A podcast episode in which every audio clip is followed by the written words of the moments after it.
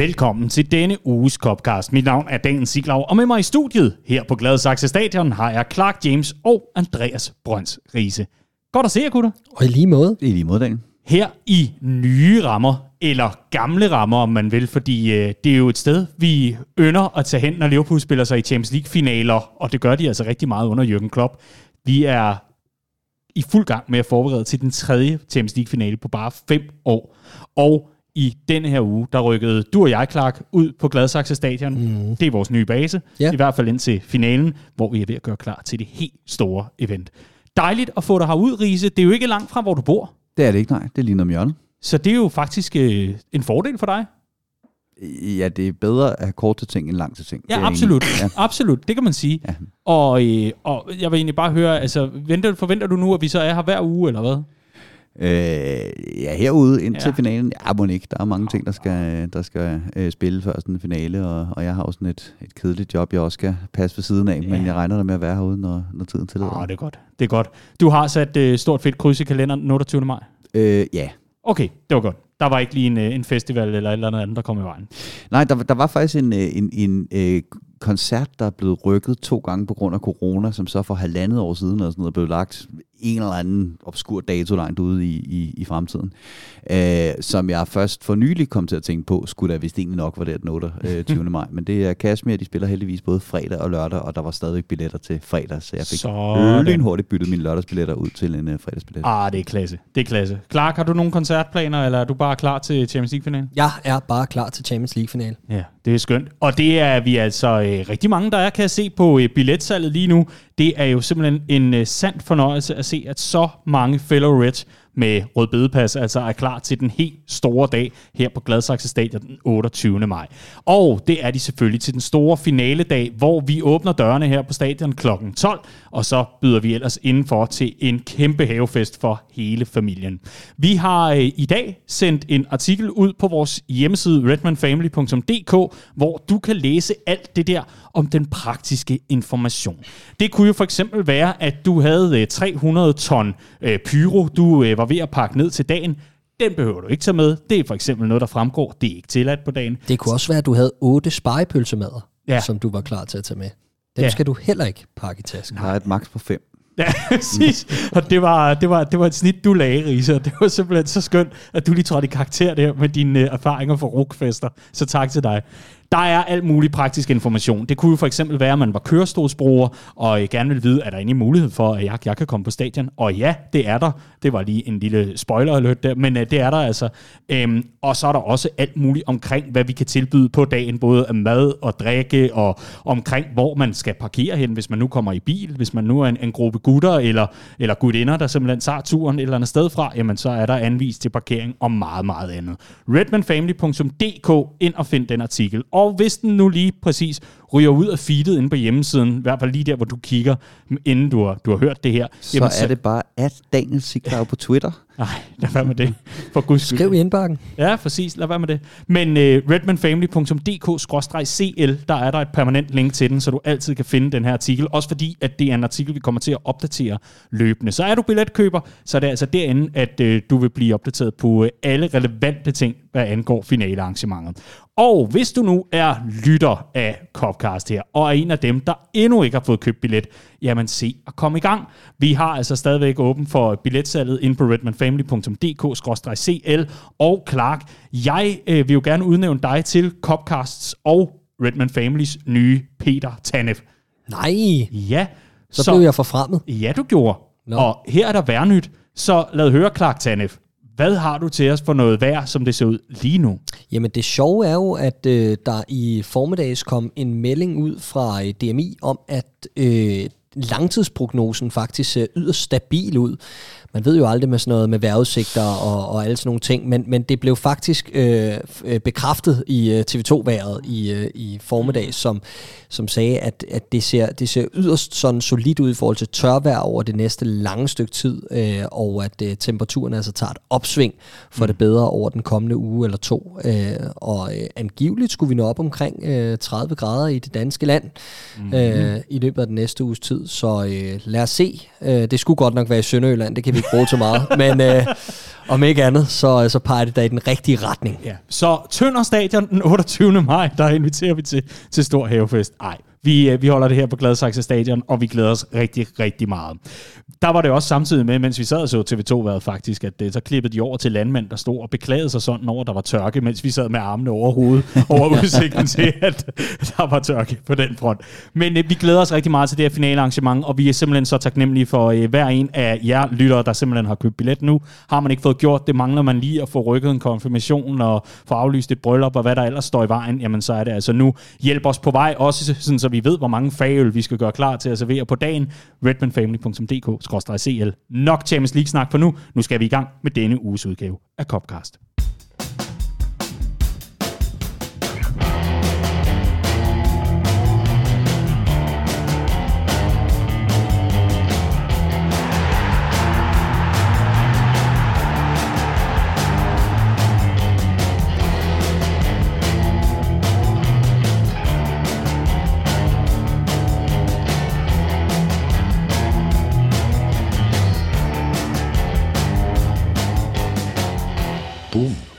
Vi åbner denne uges Copcast på Anfield, hvor Liverpool i den forgangne weekend mødte Anthony Contes Tottenham. Og så kom han ellers, den her italienske træner, Varise, og smed grus i mesterskabsmaskineriet.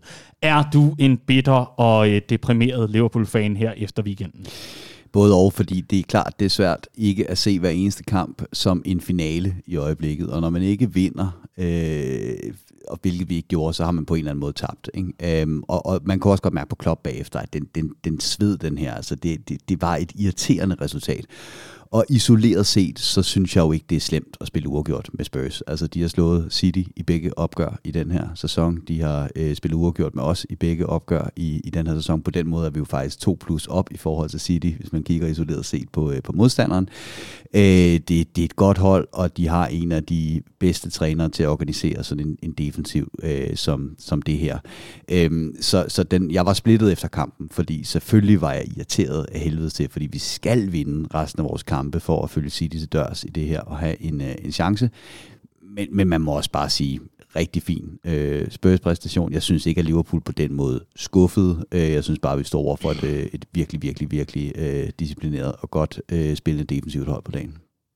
Clark, øh, det her opgør mod Tottenham, det kan man jo på mange måder sige, var vel nok den, den største udfordring for Liverpool i det resterende program i det her mesterskabsræs. Det øh, kræver jo ikke meget fodboldforstand at kunne øh, konkludere det, også når man bare kigger på tabellen. Men alligevel sad du med en følelse efterfølgende om, at det var øh, to tabte point, altså at man ikke fik sejren, eller hvad for en fornemmelse sad du med efterfølgende? Jamen, det, det kan godt være, at jeg, jeg sidder lidt alene med den, men jeg sad faktisk lidt og tænkte, at det, var, det nærmere var et point vundet. Øh, og det på grund af kampens forløb og stemningen og intensiteten på dagen. Jeg synes, Anfield var, øh, var fremragende. Der var virkelig fantastisk stemning, og, og, og stadion var bag, øh, var bag holdet hele vejen.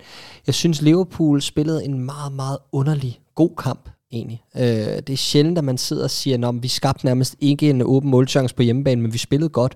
Og det synes jeg, vi gjorde, øh, og jeg synes, at vi var, øh, vi var øh, agerige, og vi var øh, øh, elektriske, og vi havde masser af, af intensitet, især i første eller i presspillet, og, og alt muligt andet. Så var der lidt omkring nogle beslutninger i ny og næ, og jeg synes da også, at det er underligt, at, at, at Jürgen Klopp ikke, ikke kigger ud på Divock Origi og tænker, okay, det er sådan en kamp her, fordi det var jo om at få fyldt nogle folk i feltet øh, i, øh, i, i det sidste kvarter den her kamp. Men øh, for at opsummere, altså vi, øh, vi kommer bagud 1-0 på et kritisk tidspunkt i kampen mod et hold, der elsker den situation. Altså at, at slå de omstillinger mod et hold, der løber lige ind i kniven og, og, og tager en masse risiko. Og, øh, og alligevel kommer vi tilbage i det her opgør. Øh, det synes jeg fortæller rigtig meget om den mentalitet, der er i Liverpool-truppen. Og jeg sad bare med følelsen af efterfølgende, og have fået det point der, virkede ikke helt ligegyldigt. Du sidder og nikker meget samtykkende over, Riese. Ja, men jeg, jeg synes faktisk, at Liverpool spillede en, en rigtig god kamp, og var så bare op mod et hold, der, øh, der var virkelig gode til at, øh, at lukke ned for det på dagen. Og jeg sad nemlig også bagefter. Automatreaktionen var ligesom at sige, selvfølgelig er det naturligt med 60 kampe i stængerne, at man lige mangler de sidste 3%, der blev afgørende på dagen, på de der beslutninger og på, på den sidste skarphed men øh, jo længere den kom på afstand, den her kamp, kunne jeg egentlig også godt se et scenarie, hvor vi havde spillet den her kamp langt tidligere på sæsonen, og udfaldet havde været det samme.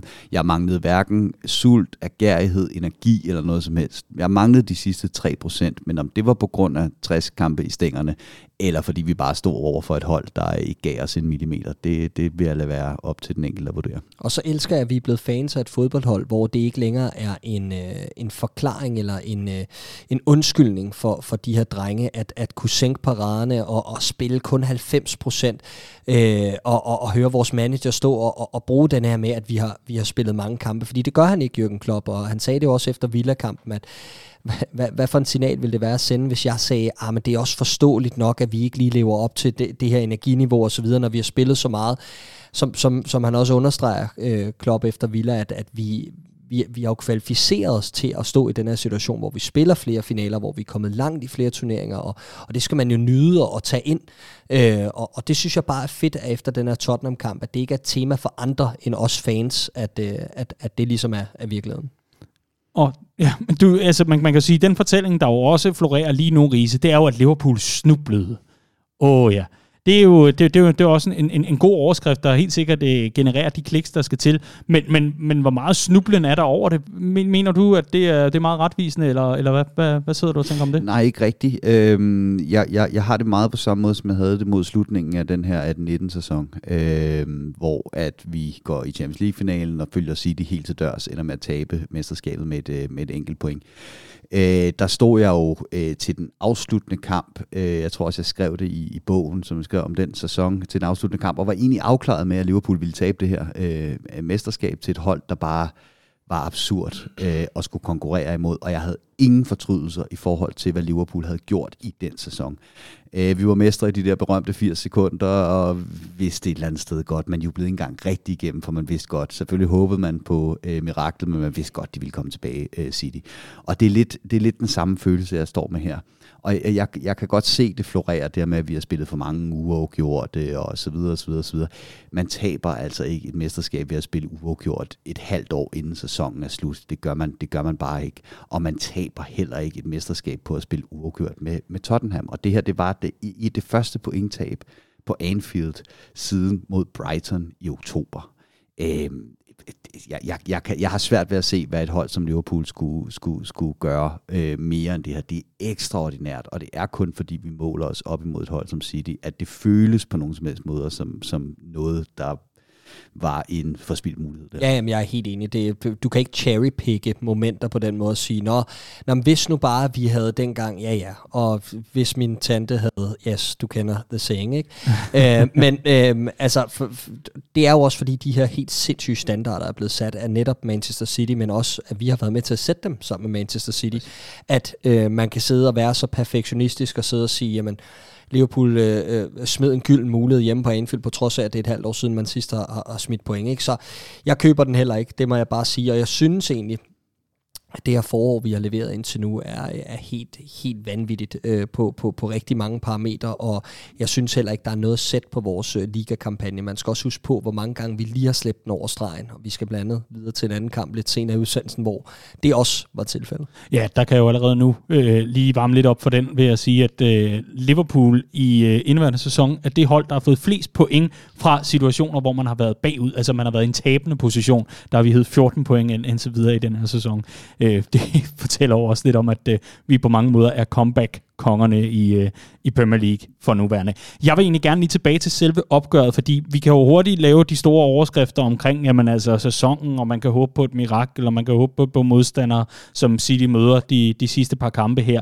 Men jeg vil rigtig gerne ind i, Riese, at er der nogle ting, vi kan tage med sådan spillemæssigt for opgøret mod Tottenham, hvor vi kan sige, om det fungerede ikke, eller her der skal vi have justeret lidt, fordi man kan jo sige, Liverpool, det kan godt være, at uh, The Quadruple lige nu lader til at være lidt af en, en uh, hvad kan man sige, en, en, en for stor drøm, og men at vi jo dyrker de store drømme i, i den her fodboldklub, også som fans af den. Men, men et eller andet sted, så er der jo også et par finaler nu. FA Cup-finalen her i weekenden, som vi også varmer op til, og så Champions League-finalen. Er, er der noget her, som du gerne vil fremhæve for opgøret mod Tottenham? Jamen, jeg sad egentlig med den der følelse, at Tottenham scorer deres mål, og det er sådan et mål, jeg gerne så Liverpool score nogle flere af. Øh, og uagtet, at Tottenham havde utrolig meget mere plads at score det mål på, end Liverpool ofte får, så var det den der følelse af, at der var tre løb sat sammen, rigtige løb sat sammen, og tre hurtige afleveringer, og så scorede, øh, scorede Tottenham.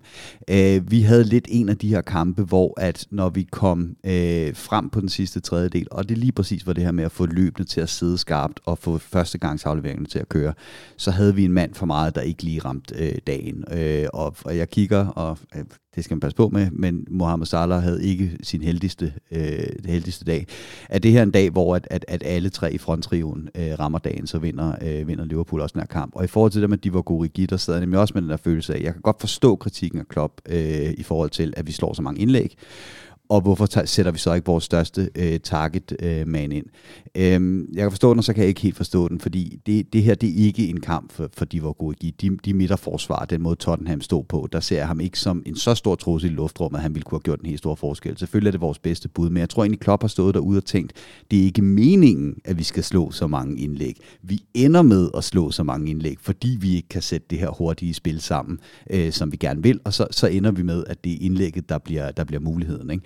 Og der tror jeg jo, Klopp han har stået ud og sagt, jamen fair nok, jeg vil, jeg vil, jeg vil have færre indlæg, og hvis du smider Divock på banen, så inviterer du ikke til færre, men til flere indlæg. Ikke? Øhm, så så øh, det, det, det, det var lige, øh, det var lige den, den sidste skarphed i afleveringer og løb øh, fra fronttrioen, der, der, der manglede på, på dagen. Men ellers så synes jeg faktisk, at Liverpool spiller en rigtig, rigtig, rigtig god kamp. Ja, men jeg, jeg er meget enig. Jeg synes bare, at, at det Origi også springer, det er jo ikke hans lufttrussel. Det er jo ikke nødvendigvis hans presence i boksen det er mere det her kaos-element. Og i de her kampe, hvor det er lidt fastlåst, og, og vi mangler lidt en forklaring, en logisk forklaring på, hvordan noget skal, skal løses, så plejer det at være en, en, en ret habil løsning at smide Origi ind i mixet, for så er der noget at forholde sig til. Og, og, og, og han er svær at forholde sig til. Ikke?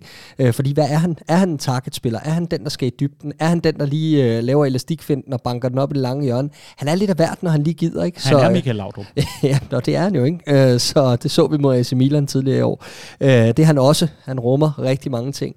Men nej, øh, det, det var bare sådan en dag, hvor det, hvor det ikke skulle lykkes. Og øh, jeg er enig i, i, i forhold til det her mål, Spurs score. Det kunne jeg godt tænke mig at se Liverpool score flere af. Jeg synes, vi laver et, der minder om det i på åbningsdagen mod Norwich hvor vi, øh, vi laver en lignende situation og, og spiller den på tværs. Og jeg kan huske, vi sad og snakkede om efter den scoring, at det her, det kunne godt være mere Liverpool i år, det her med, at vi har trænet de her type angrebsmønstre hen over hele preseason og alt det her. Ikke? Øhm, og egentlig har det, jeg synes også, at, det, at vi har lavet nogle gode mål undervejs, men det er som om, at det bliver færre og færre den type mål. Og så alligevel så popper der et lignende et af slagsen op mod Aston Villa, synes jeg, øh, det afgørende mål, man i laver. Mm og vi skal nok tale Villa lige om lidt. Men inden da, så synes jeg også, du skal have muligheden for at øh, kigge i forhold til Liverpools øh, spilmæssige præstation mod Tottenham her. Om der er noget, du sådan vil notere, der er nogle ting, som du tror, Jürgen Klopp og resten af trænerteamet har på blokken inden øh, en, en stor periode med, med to finaler og ja, det resterende, hvad kan man sige, kampprogram i Premier League. Jeg ser ikke meget lige gang. Men jeg læser mig til, at vi er yderst interesseret i ham her, Aurelien Chouameni øh, fra Monaco. Og det forstår jeg rigtig, rigtig godt. Fordi hvis der er noget, denne her Liverpool midtbane mangler i øjeblikket, så er det at kunne følge med det, der foregår øh, hos resten af holdet. Det fysiske element på det her Liverpool-hold er den helt store mangelvare, og især når vi når øh, til, til den her del af sæsonen. Og det er jo sindssygt at sidde og snakke om mangelvare på et hold, der er så sindssygt godt. Men der er virkelig et område her, hvor vi kan altså, konsolidere os i, i toppen, hvis vi, hvis vi adresserer det rigtigt. Så jeg kunne godt tænke mig, at en Fabinho får noget mere hjælp fra en mere fysisk presence derinde, så de er to mand, der skal tage de slagsmål, men også har visionen til at kunne, kunne, kunne spille langt. Jeg tror også, at det vil gavne en mand som øh, Naby Keita, jeg tror, det vil gavne en mand som Thiago at have de to omkring sig. Øh, så ja, det er det, jeg har bemærket fra de her to kampe i løbet af ugen, at jeg synes, at fysikken halter en lille smule efter. Jeg synes, Spurs vinder for mange slagsmål ind i det maskinrum i løbet af kampen, og jeg synes, det samme var tilfældet med Aston Villa. Jamen lad os bare være ærlige, Fabinho har ikke haft nogen øh, særlig god uge. Øh, han, var, han var efter mod Tottenham, han har den her cloak of invi- invisibility, heldigvis, der gør, at man slipper for, øh, for, for øh, gule øh, kort, ligesom øh, Fernandinho, Casemiro, vores egen Lucas Leiva. Alle de bedste øh, alle, alle de bedste brasilianske defensive midtbanespillere, de, de har det her. Øh, man kan sige, at han, han, han er jo det rigtige område til at lave en dårlig takling. Øh, det er den gode nyhed. Øh, den dårlige nyhed er, at, at, at han er lige de der procenter øh, for, væk fra spillet. Ikke? Øh, og, og jeg er helt enig, altså jeg tror inden, inden sæsonen, der pegede jeg på Kammervinga, der så røg til Real Madrid som en, en mulighed for, øh, for Liverpool, og det gjorde jeg af den grund, jeg synes, man kunne se sidste sæson, når vi flyttede Fabinho ned i midterforsvaret, eller ikke havde ham til rådighed, hvor meget det mangler på den midtbane, og han er den eneste spiller, øh, hvor vi ikke har en specialist afløser for ham. Vi kan godt smide Jordan Henderson derned, men jeg savner et troværdigt alternativ på den defensive midtbane, der giver den stil, som, øh, som øh, Fabinho giver.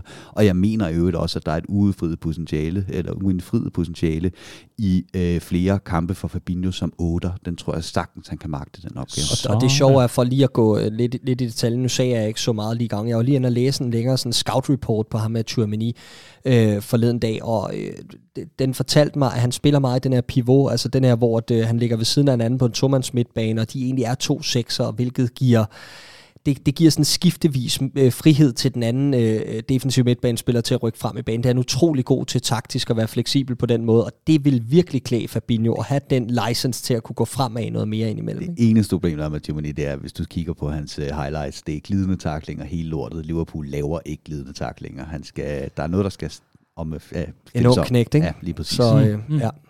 Vi er allerede gået i gang med sommerens transfer talks og alt muligt andet øh, i øh, vores kampgennemgang af Spurs. Det er skønt at høre, men det er altså også en, øh, hvad kan man sige, det, det, er, det, det er godtaget herfra, fordi at, øh, vi, vi bliver jo også bare nødt til at konstatere, at sæsonen er ved at være forbi, og vi jo snart skal sidde og evaluere, hvad der så ikke gik, og, og hvad der gik for, for Liverpools vedkommende. Og i den forbindelse, så synes jeg altså bare, at I nærmest allerede har taget, øh, taget hul på det. Så lad os konstatere, at Conte han kom, øh, og han så, og han fik sit point med sig, og men at øh, han sikkert havde håbet på en sejr i forhold til det her top 4-race. Det kan man høre andre podcasts om i forhold til, til lige præcis den del. Vi andre, vi rykker videre fra Anfield, og så rykker vi til gårdsdagens opgør på Villa Park.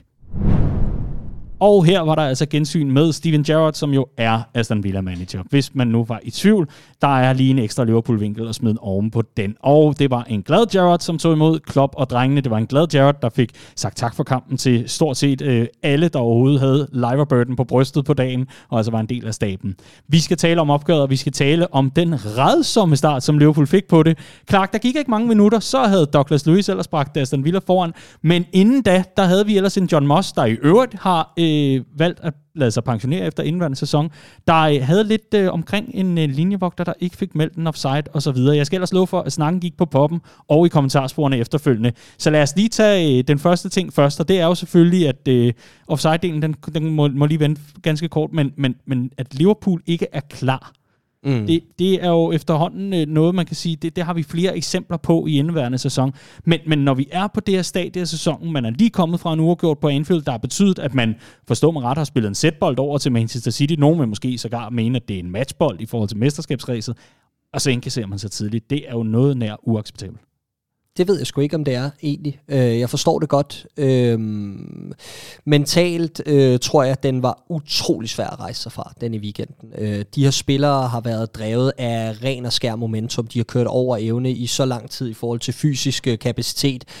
Og det, der bare har drevet dem, er det her vindergen, og man er gået øh, til, til de yderste øh, afkrog af, af, af potentiale, når det kommer til, til, til kampe, man kunne spille den her sæson, har kvalificeret sig til alle finaler, man har kunne, er stadig med i det her mesterskabsræs, og så får man sådan et ærgerligt resultat få dage inden man skal øh, til Wembley og spille finale, så er det bare sådan lidt en sten i skoen, den kamp der. Og øh, jeg sad lige og snakkede med Riese, inden vi gik på, om at, at det netop var sådan en kamp, hvor øh, overskrifterne stod i kø for, for at blive skrevet, ikke? at Gerrard ødelagde Liverpools mesterskab, og øh, øh, Coutinho vendte tilbage og gjorde det onde mod sit, øh, sit gamle hold, og alle de her ting, Danny Engels på toppen, og du ved, der var så meget motivation for det her Villa-hold, for at gå ind og bevise, at, at de skulle være det hold, der ligesom for alvor satte en klemme i.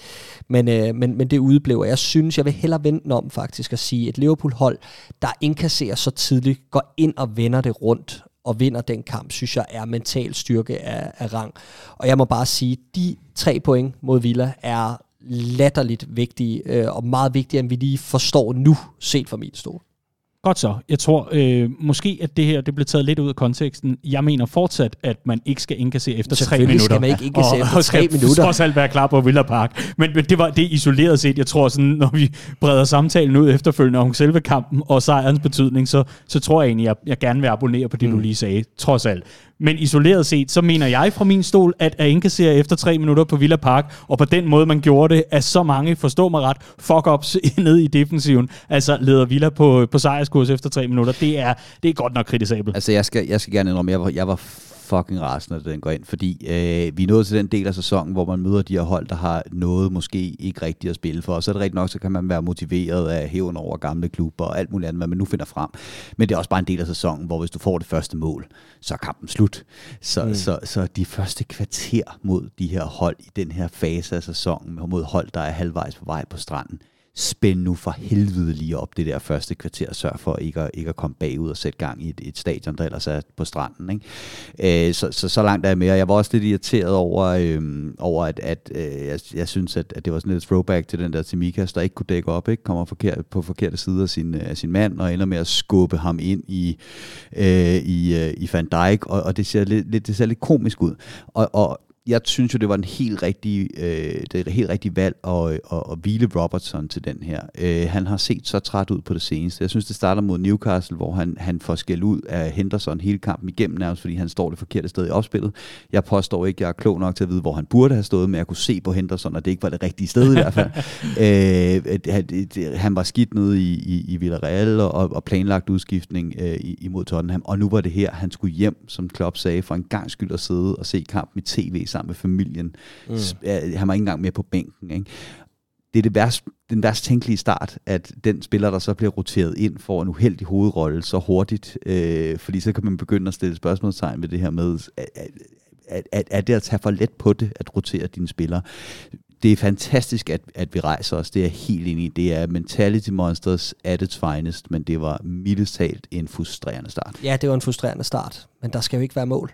Altså, det, det skal der jo ikke. Der er offside i situationen, der, bliver, der spiller situationen farlig. Men jeg bliver jo simpelthen nødt til at spørge her, fordi at, øh, jeg, jeg tror, alle er enige om, at det flag, det bare skal løftes på den mm, situation. Præcis. Og så er der noget omkring de der regler. Er det en ny situation, der så starter, så betyder det jo altså, at en, en offside før ikke kan blive regnet med ind. Mm. Der er forskellige eksempler. Nogle vil måske øh, kunne huske Mason Mount, der scorede mod Liverpool for en sæson eller to siden, hvor at man efterfølgende jo nærmest spolede fem minutter i, på kampklokken, før man fandt den her offside, som altså gjorde, at Chelsea ikke kunne bringe sig foran, et cetera, et cetera, eller udligne. Jeg kan ikke huske det. Mm. Men, men, men, men her, Clark, der, der kan vi jo også lidt tale om, at øh, det er jo også en, en kritik, som af og til rammer Liverpool-forsvaret, og, og måske kan man sige, i hvert fald den defensive akse i forhold til mm. holdet, at man bliver lidt nonchalant, at man bliver lidt arrogant, man bliver lidt for, hvad kan man sige, for, for forvente og, og står bare og skriger ud mod en linjevogter og venter på det, i stedet for at få afvist situationen mm. og få bolden høvlet jamen, ud af Birmingham og omegn, synes jeg, at man bagefter kan tage diskussionen med netop John Moss, med, med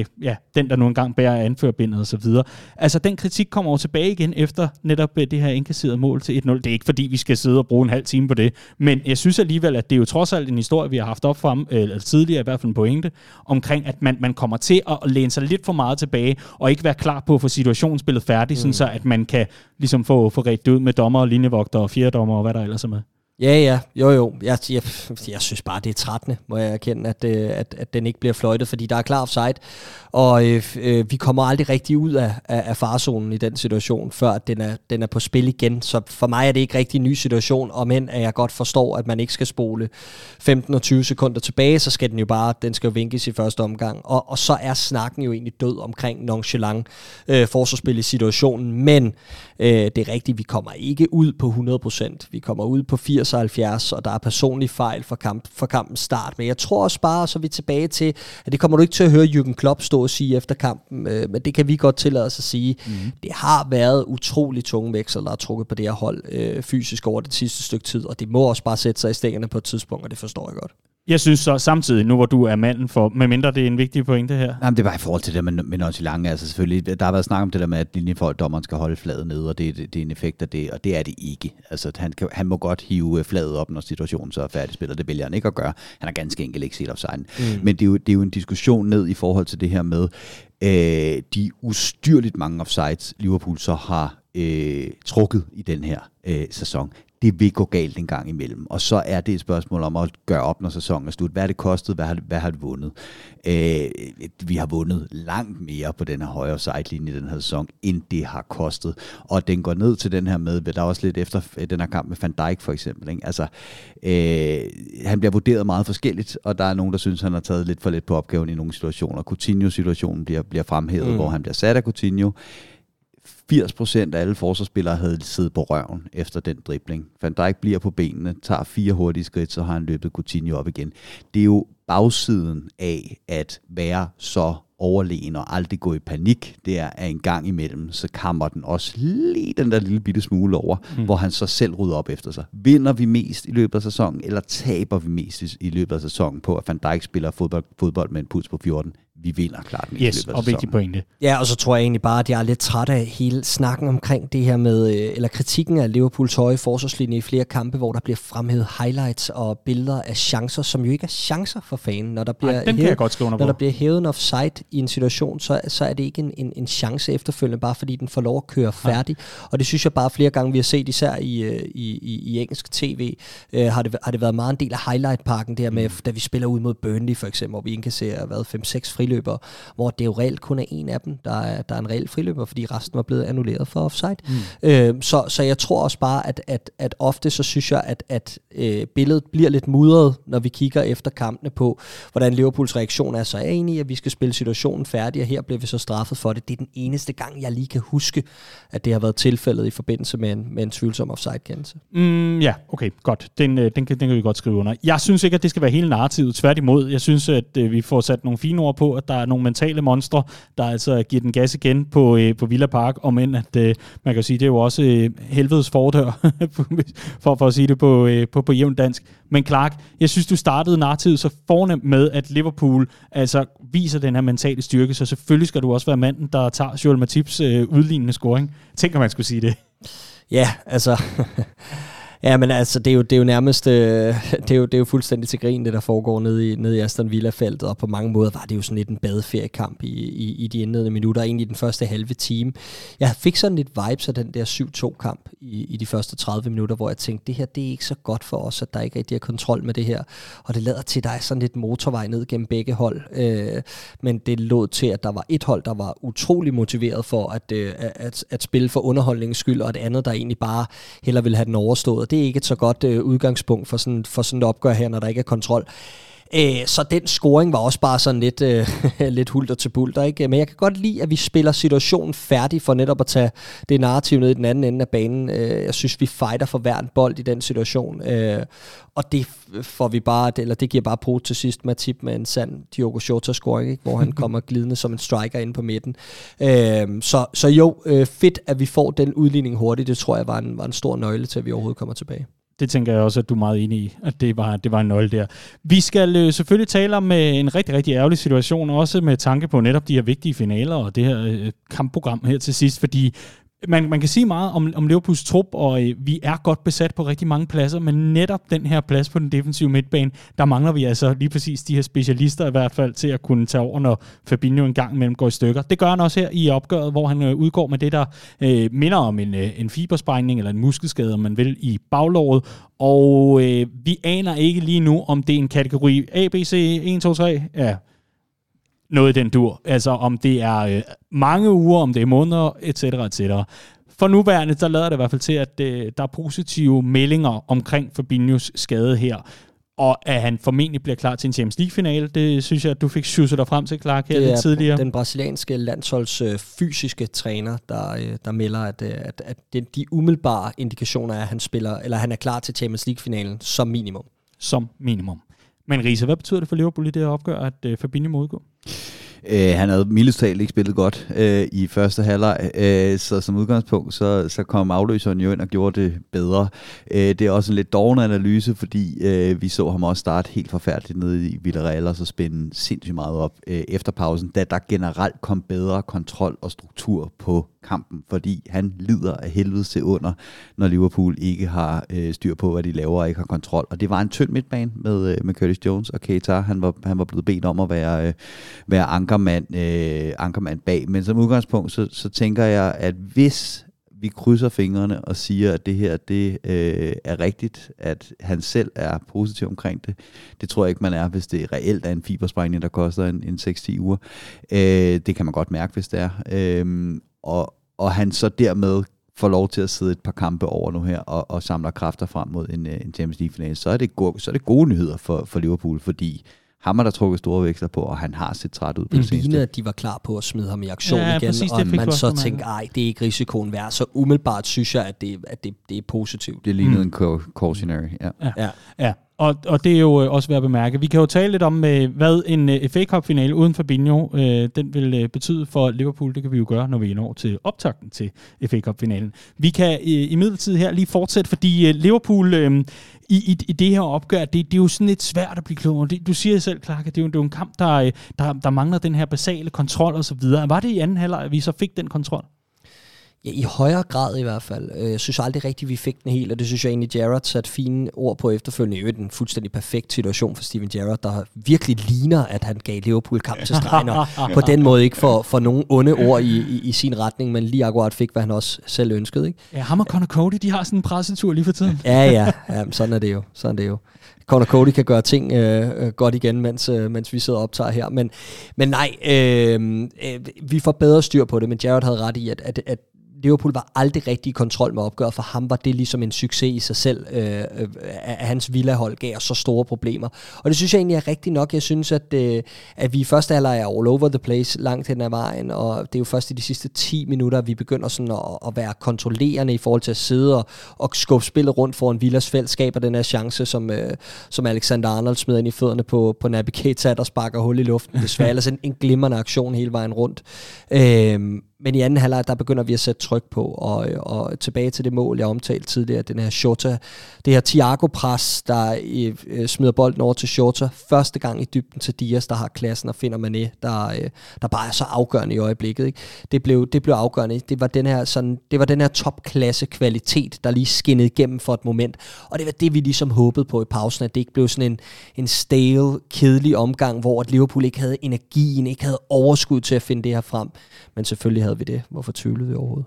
Ja, jeg synes, det var meget tydeligt, at Jürgen Klopp var øh, efter de rutinerede kræfter på det her hold ude fra sidelinjen. Alle journalister, der var til stede på, øh, på stadion, siger, at Van Dijk fik øh, gedin skæld ud. Jordan Henderson fik gedin skæld ud. Og Klopp vidste ligesom godt, at det var de rutinerede kræfter, der skulle, øh, der skulle spænde op her og sørge for, at det her det blev øh, slæbt over øh, målstregen. Og det synes jeg også, det var. Det mindede det der mål. Det er sådan lidt, øh, lidt ala, ala Real Madrid, når de er allermest irriterende. Ikke? Øh, spiller en, en rigtig dårlig kamp, men der skal ikke andet til end et verdensklasse moment fra øh, Modric, der lægger den ind til Benzema, der klapper en stensikkert ind, fordi at, øh, han er en rutineret rev. Og det var lidt det samme, jeg, jeg, jeg, jeg, jeg så øh, ske for Liverpool her. Øh, og det var ligesom Allison, der var der på de rigtige tidspunkter. Van Dijk, der øh, spændte op og også fik reddet Raul Kastanjen ud et par gange. Henderson, der kom ind og, og, og spillede sin øh, meget vigtige rolle, og så Mané som den, den rutinerede øh, op foran. Og det er sindssygt vigtigt, fordi det der, det der efter Tottenham-kampen, som vi snakker om, der kan man ikke rigtig sige, at, at vi smed noget på den måde. Det er, hvad det er. Problemet er, efter den her kamp med de rotationer, vi laver, øh, der ville, hvis vi havde smidt point i den her kamp, og det ved Klopp også godt, så ville historien være, at Liverpool havde solgt Premier League for at fokusere på andre og vigtigere ting. Øh, problemet er, når man sælger noget, så vil man gerne have noget igen. og så vil der lige pludselig være pres på, for at Liverpool skulle levere i FA Cup'en eller øh, Champions League. Nu, nu holder vi trit, og vi, vi, vi viser, at vi stadigvæk tror på det her. Vi jagter den hele vejen til, og vi, og vi roterede, øh, som vi skulle for at holde spillerne friske, men gjorde det, der var nødvendigt. Investerede det, der var nødvendigt øh, for at vinde. Og det er altså med til at tage presset af frem mod de her øh, finaler, vi står i. Det er jeg ikke et øjeblik i tvivl om. Jeg er så enig, og det, det havde virkelig sendt et skidt signal, hvis, øh, hvis, vi havde, øh, hvis vi havde smidt point her øh, øh til sidst og spillet 2-2, og især oven på den her Tottenham-kamp, øh, som, som vi også er inde på tidligere. 1-1 mod Tottenham, det kan ske, det kunne det også tidligere på sæsonen, men du kan bare ikke følge det op med at og, og, og så smide paraderne fuldstændig i sådan en kamp her, sådan en must-win-kamp. Og jeg synes, den her balance mellem at rotere på de rigtige tidspunkter og holde truppen frisk og sådan noget, den har vi virkelig været god til, det var vi igen gode til her. Jeg ved godt, der sidder mange derude og tænker, øh, fordi det kunne jeg fornemme lidt på poppen i går i hvert fald, tænker, 2-1, det er godt nok et, et ubrugeligt resultat, altså vi er efter på målscoren og sådan noget. Prøv nu at høre her vi kan ikke gøre andet end at vinde vores kampe. Altså øh, indtil at der måske opstår et freak-moment i sidste spillerunde, hvor vi skal spille efter at lave mål, så handler det om at vinde fodboldkampe. Du kan ikke spille efter målscorer over længere tid. Det så vi, hvordan det gik i 2014 mod, øh, ja, mod, mod Crystal Palace, Palace da, ja. da, da vi skal op og hente City på målscoren, fører 3-0 på, øh, på Selhurst Park og spiller 3-3. Altså, don't mention war. Nej, og jeg ved godt, at det er også et andet Liverpool-hold nu. Du kan ikke på den måde sammenligne, men, men du kan bare ikke spille efter målscoren på den måde. Vi skal vinde vores kampe, og så må vi se, hvor det ligesom bærer sig Jeg vil bare lige tage fat i, at du fremhæver de rutinerede kræfter som, øh, som, som gode i opgøret. Jeg er også enig. Jeg synes, aksen op gennem holdet egentlig gjorde det fint. Men jeg synes, at nogle af dem, der så kom ind og skulle løfte, det var lidt skuffende. Ikke? Øh, jeg synes, at det, øh, Naby Keita var sådan lidt nat og dag i opgøret. Jeg synes, der var gode momenter. Jeg synes også, der var momenter, hvor han simpelthen skal vise, at han, han har kostet 50 millioner pund og blandt andet begravet den her chance for Trent Alexander-Arnold jeg synes ikke, det går den rigtige vej med Curtis Jones i øjeblikket. Oh, dem, dem, get out of my head. Ja, det var lige præcis det, det, det jeg skulle til det, det, det må jeg skulle sige. Jeg ved godt, at han stadig kun er 21, og han får noget værdifuld erfaring på et af verdens bedste klubhold i øjeblikket. Det er svært at bide sig til. Det er svært at få spilletid. Men jeg synes, der bliver mindre og mindre risiko over hans spil. Jeg synes, der bliver mindre af den der øh, skavs fanden i voldsked, som du, du har set Trent Alexander-Arnold bryde igennem med at skabe sin egen identitet på højre bak. Sige, ja, ja, jeg ved godt, at kritikken går på, at jeg ikke er traditionelt god til at forsvare, men har du set denne her aflevering på 60 meter? Ikke? Det var jo det, Curtis Jones brød lidt igennem med i starten. Det var, at ja, jamen, det kan godt være, at jeg ikke passer helt præcis ind i det her klopsystem, men jeg har noget andet, og så klapper jeg den op i krogen mod Everton. Og jeg savner lidt den der fandme voldsked, som han brød igennem med. Han er sgu blevet for for sikker og for, øh, for, for, der er for meget forsikring og garanti over Curtis Jones nu, og det klæder ham ikke. Nej, det der med, når man øh, mister sit øh, vilde gen og bare bliver en del af systemet, Riese, og er Curtis Jones egentlig en systemspiller, det var lige præcis det, vi skulle hen mod. Så, så godt, du lige fik øh, taget hul på den klak. For det, jeg rigtig gerne vil høre dig om, Riese, det er, jeg synes jo et eller andet sted, at man, øh, man tager en, en vild og, og smuk fugl og smider ham i bur, og så, øh, jeg ved ikke om smuk og smuk, det, det må være op til, til måske de kvindelige lyttere at være med på den. Men øh, man, man, man tager jo en, en, en, en, en lidt vild og fandenivoldsk spiller som Curtis Jones, og prøver at få integreret ham i klubsystemet, sådan så at han for alvor forstår sin rolle. Jeg synes bare desværre, at han ender lidt som øh, Adam Lallana Jam i det her opgør mod Aston Villa, og det synes jeg, han har gjort længe. Jeg synes, det bliver netop lodder og trisser, du er inde på, Clark, og jeg synes også et eller andet sted, at, at det bliver den ligegyldige aflevering, det bliver den ligegyldige beslutning, som fjerner det pres, man er ved at opbygge, for eksempel i en offensiv øh, hvad kan man sige, organisation, men også i en omstilling osv. Altså, er det her bare den der, øh, hvad kan man sige, forbandelse, der nogle gange hviler over unge spillere, der skal til at lære at blive voksne? Ja, og lad os lige tage de øh, obligatoriske forbehold, som er, at Curtis Jones han ryger fra tribunen direkte ind i startopstillingen, mm. tilbage på tribunen igen i de kampe, hvor der skal øh, roteres med maksimal pres på, og med spillere omkring sig, der også er blevet roteret ind. Han udgør en venstre side sammen med Timikas og Shota i, i den her kamp. Det er heller ikke de letteste arbejdsforhold. Det, jeg synes, der han igen gør godt i den her kamp, det er, øh, når han får det der drev med bolden. Når han får den ret vendt, der havde han nogle rigtig fine drev op, af, øh, op igennem banen med, med bolden, op på sidste tredjedel, hvor det så lige ikke lykkedes for ham. Problemet var, at det lykkedes os at få ham retvendt i de situationer cirka tre gange i løbet af, af kampen. Øh, og så er jeg helt enig i, så skal det lykkes minimum en gang, at han så går op og klapper den ind, eller, eller skaber noget unikt ud af de, øh, ud af de øh, muligheder. Det gjorde det så ikke, og resten af hans præstation var øh, middel. Jeg, jeg, jeg savner simpelthen bare, at de her aktioner, du snakker om, Andreas, der er så meget promise, når Curtis Jones vender med bolden. Der er så meget promise, når han tager to-tre træk og går ind mod kanten af feltet, men der er så lidt slutprodukt. Der er så lidt kreativitet tilbage i ham efterhånden. Jeg synes, det er, det er virkelig, virkelig ærgerligt at se, at han famler lidt i, øh, i, i den der zone, som en spiller ejer sammenligne dem som, som typer, men som Emre Can også gjorde lidt i Liverpool. Hvad er det, du skal være for det her Liverpool-hold? Hvad er det for en type? Er du defensiv midtbanespiller? Er du øh, box til box? Er du øh, nu centerback i en trebakkæde? Det var lidt de, de temaer, som det var med Emre Can. For Curtis Jones er, er, det, er, er, er du den her fantasifulde kantspiller, som skal trække ind fra siden og, og erstatte det, Coutinho ligesom kom med i sin tid, og det er der, du har lavet dine bedste offensive aktioner for førsteholdet og uholdende.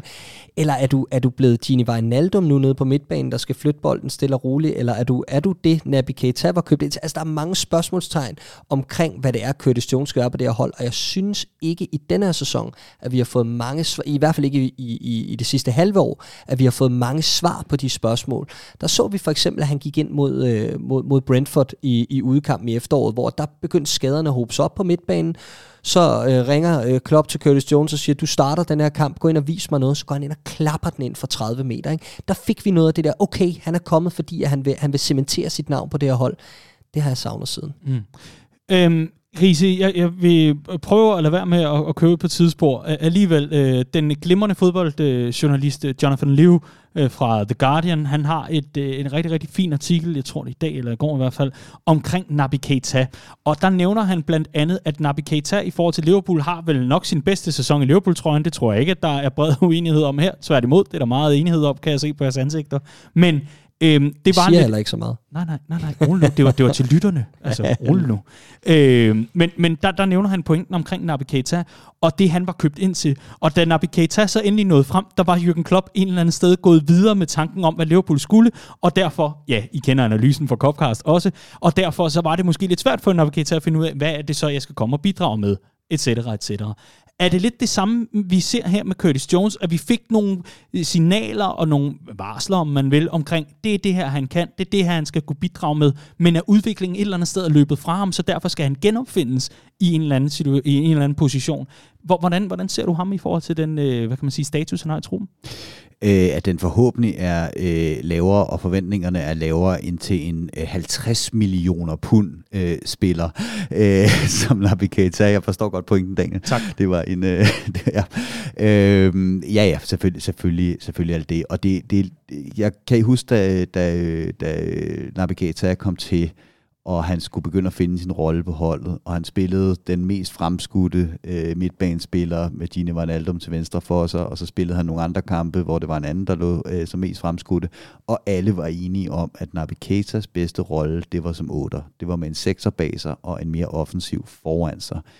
Den rolle har vi ikke set ham i øh, nærmest siden. Nu er han blevet, hvis han spiller den mest fremskudte øh, midtbanespiller på, øh, på, på Liverpools øh, midtbane. Og helt rigtigt, at Curtis Jones er jo så i gang med den modsatte udvikling lige nu. Lige nu der er det faktisk ofte ham, der ender som bindeledet, som otteren, hvor at øh, de fleste vil sige, give ham frihed i, øh, i den der 10'er-rolle. Når han har fået den den her sæson, så har han, har han, så, ikke, øh, har han så ikke grebet den. Men altså, øh, hvis jeg tænker tilbage på, hvor, øh, hvor uendelig lang snor folk var villige til at give Harry Wilson, øh, så, så synes jeg, der er, øh, der, der, er, der er mere bund i Curtis Jones. Han er 21 år. Et udlån vil gøre ham rigtig godt jeg er slet ikke klar til at afskrive ham i Liverpool. Nej, det er jeg heller ikke, og det er også derfor, vi bruger så lang tid på at snakke om ham, fordi ellers så havde det bare været vift ham ud til siden. Læg mærke til, hvor lidt øh, taletid vi har til Alex Oxlade-Chamberlain, for eksempel. Øhm, men, øh, og, og ej at hænge, hænge alle mulige ud, det er også bare en, Nej, en barsk virkelighed, der er, at, at øh, for, for de her drenge, at Liverpool er nået et helt andet niveau, end dengang vi diskuterede Harry Wilson, end dengang, hvor at, at det hele tiden var snakken om Alex Oxlade-Chamberlain kontra Naby Keita, hvad er deres fremtid. Lige pludselig er der en forståelse for, at gode spillere faktisk kan vise sig ikke at være gode nok til Liverpool, fordi vi er nået et niveau, der er helt utroligt. Øhm, så, så, så det synes jeg også spiller ind. Og så er der bare, så må jeg bare tilbage til, at det næste skridt for det her hold. det er ikke raketvidenskab. Det er, at vi skal have løst den 8 inde på midten, og det er, at der skal ske noget med den balance, og det kan vi langsomt bare se pensle sig ud stille og roligt i den her sæsonafslutning, hvor at at det, det, det stille og roligt bare bliver tydeligt, at der skal noget mere fysik derind, der skal noget hjælp til at tage duellerne, og så vil spillere som Curtis Jones, øh, spillere som Naby Keita, især de to vil nyde godt af, at der kommer en anden balance derinde, det er jeg sikker på. Fordi Thiago, når han ligger sammen med Fabinho, de har en, et fremragende samarbejde, men meget kan man sige om Thiago, lige så snart der bliver lavet en halv vending på ham, så kan han ikke løbe retur. Altså han har ikke fart i stængerne. Vi har brug for, at der er noget, noget mere soliditet omkring de her kreative spillere, og vi kan jo også smide en, en mand som Harvey Elliott med herinde over, fordi jeg tror, det er en af årsagen til, at han heller ikke spiller mere, end han gør. Vi bliver simpelthen for skrøbelige derinde, mm. før vi får noget mere fysik. Yes, og der bliver nikket meget samtykkende over for, for Riese over på, på fløjen. Vi skal simpelthen øh, forbi, apropos fløjen, der skal vi simpelthen forbi en egyptisk konge, som øh, lige, lige pt, altså der er ikke meget guld på kongekronen, øh, og, og tallene taler også deres eget tydelige sprog. Der var øh, nogle... Øh, venlige sjæle på internettet, der lige lavede en opgørelse over Mohamed Salah før AFCON og Mohamed Salah efter AFCON. Og tallene taler deres eget tydelige, meget, meget tydelige sprog, og det er, at øh, Mohamed Salah har scoret hver tredje kamp, øh, efter han er vendt tilbage. Øh, det siger, øh, hvad kan man sige, statistikken efterfølgende, hvor det var 0,88 mål per kamp fra øh, Ægypteren, inden han tog afsted til den her øh, slutrunde. Men det er ikke det, vi skal tale om. Vi skal tale om hvad er hans rolle resten af sæsonen? Øh, kan Jürgen Klopp fortsat blive ved med at, at smide ham ind? Altså her, der bliver han formentlig sparet, eller også er han ikke god nok på dagen, eller hvad? Hvor, hvor, hvor ligger jeres vurdering af ham lige nu? Fordi han er en af dem, som virkelig bliver fremhævet efterfølgende af vores medfans, inde på øh, både øh, jamen, altså Facebook, altså også Twitter osv. Man skal ikke øh, læse alt for meget øh, sociale medier, så bliver det nogle gange også lidt skingert. Men hvis vi alligevel skal have en vurdering af, af ham lige nu, for vi har brug for en god Mohamed Salah her i slutspurten. Selvfølgelig har vi det, og han er fastmand for Liverpool, det er jeg slet ikke i tvivl om. Det er, at han ikke spiller mod Newcastle og ikke spiller mod Aston Villa fra start. Det er for at prøve at klemme de sidste procenter ud af ham, fordi det Mohamed Salah har oplevet før holdet, som jeg ser det, er, at han har oplevet det her knæk i sit eget momentum, øh, hvorimod holdet først oplevede det knæk i weekenden mod Tottenham. Øh, og hans knækker ved AFCON, fordi at han, havde, han, har, han er jo en, en fuldstændig øh, unikt bygget vindertype, som, som også bare har enorme ambitioner på egne vegne, og på den måde skiller han sig jo lidt ud fra det her Liverpool-hold, og, og er jo langt hen ad vejen den offensive stjerne.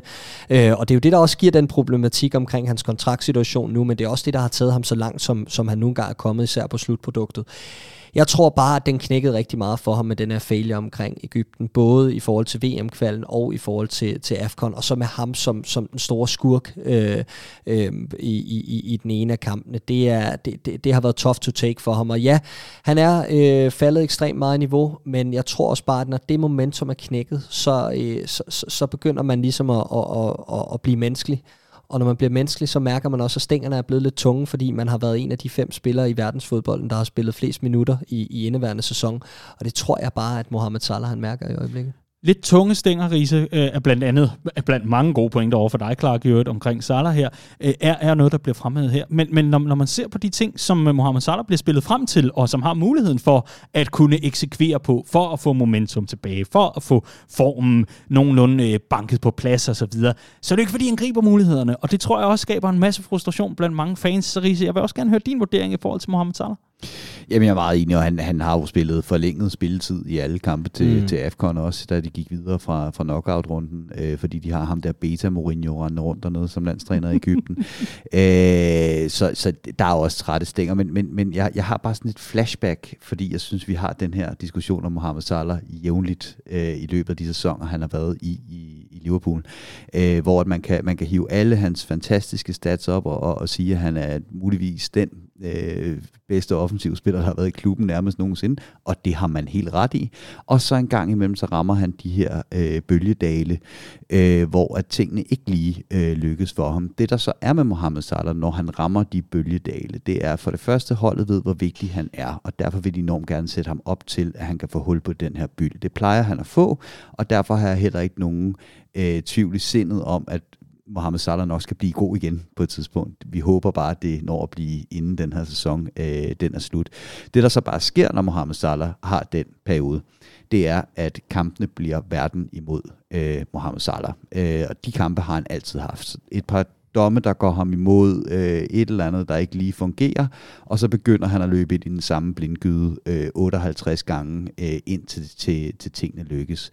Øhm, det er for mig ikke det er for mig ikke noget nyt. Vi har bare set en øh, Mohamed Salah øh, i den her sæson, der har lagt niveauer på sit øh, assistspil, på sit blik for medspillerne øh, osv., og derfor føles stykket øh, større i, i, i den her sæson, men jeg kan ikke huske en sæson, Mohamed Salah har været i Liverpool, hvor vi ikke på et eller andet tidspunkt i løbet af sæsonen har haft den her samtale mm. om den selviske Mohamed Salah, der spiller mod resten af verden, mm. i stedet for at spille med sit hold. Mm.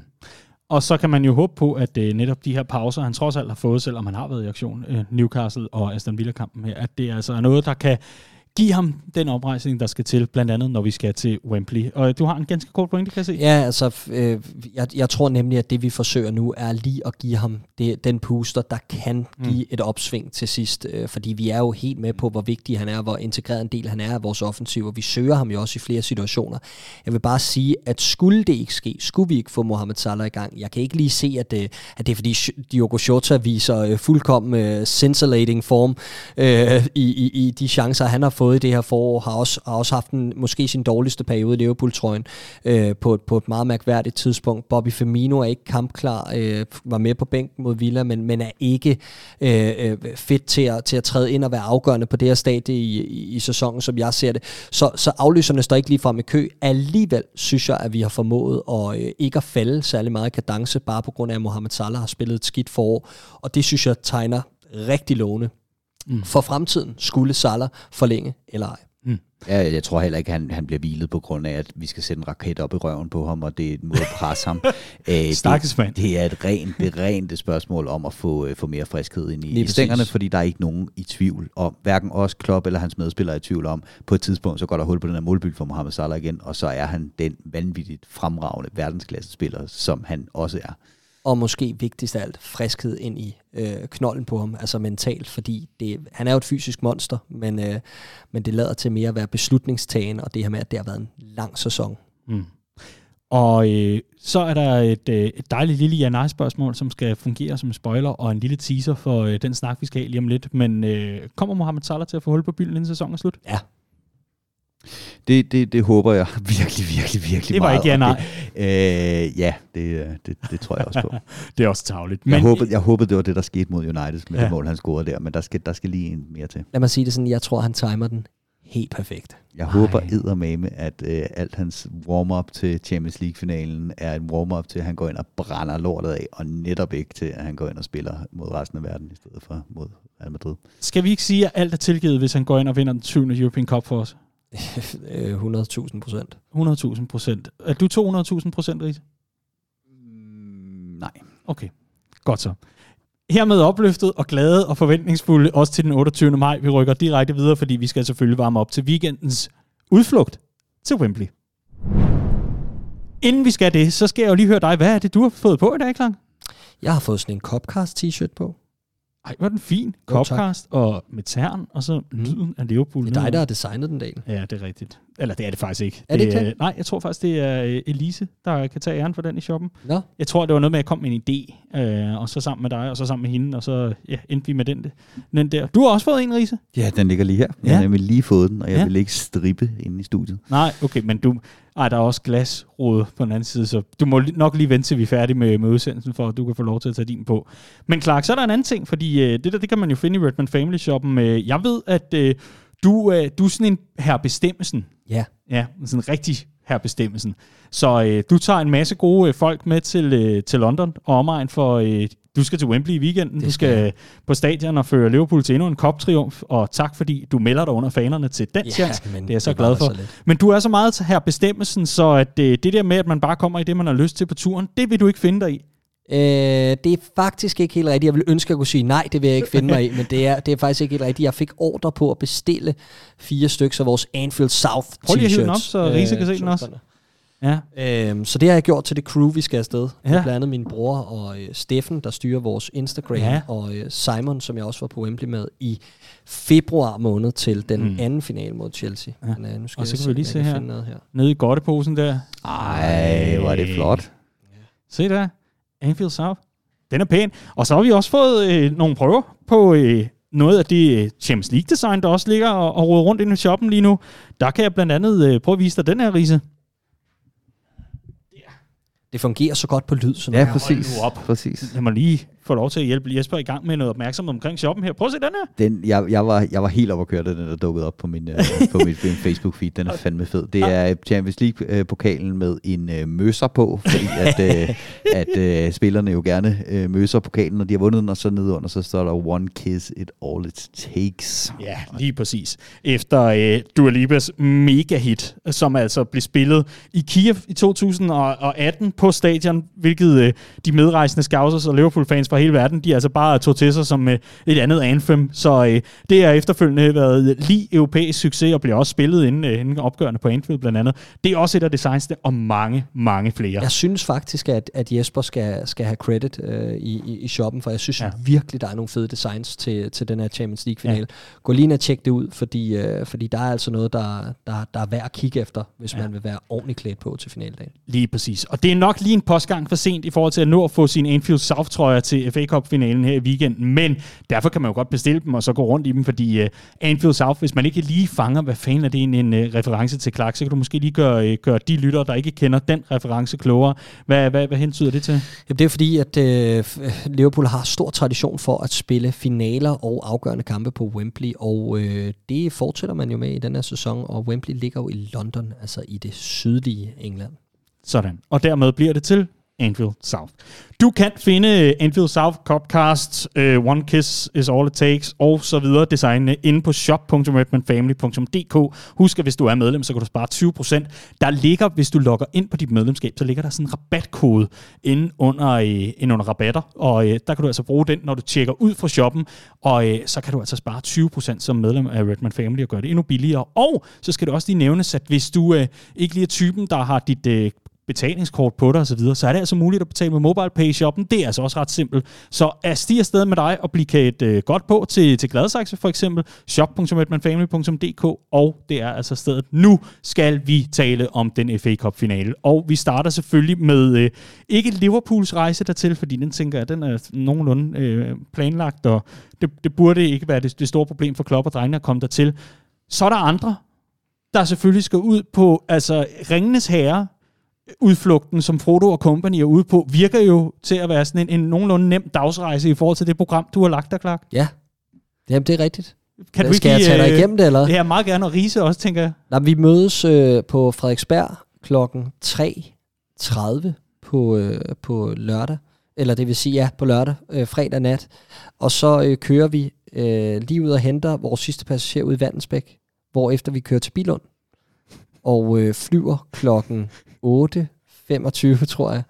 Øh, og øh, så lander vi i London meget tidligt. Øh, så tidligt, så vi lige kan nå den store solskinsdag, eller vi skal lige forbi hotellet først, lige aflevere vores ting. Så når vi ud i øh, solen øh, på The Green Man Pub, hvor øh, opvarmningen til øh, finalen altså finder sted for Liverpool-fans i øh, London.